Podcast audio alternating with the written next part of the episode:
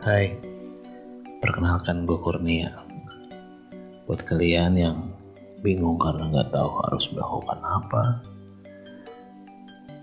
terlebih masih nggak tahu kemampuan di mana, passionnya apa, apalagi mikir buat ningkatin kualitas diri. Nggak usah khawatir, kalian nggak sendiri. Ada gue kan. Dan gue yakin masih banyak juga orang di luar sana yang merasakan hal serupa. Bukan berarti kita harus diam. Bukan berarti kita harus terjebak seperti ini terus menerus tanpa makna yang didapat. Apalagi nggak ngelakuin apa-apa. Minimal kita punya satu aktivitas yang kita suka, nyaman.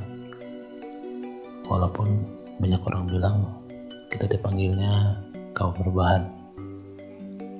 Ya, lakukanlah secara konsisten, fokus, dan berkelanjutan.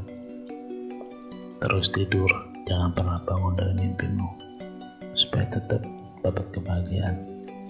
Thank you.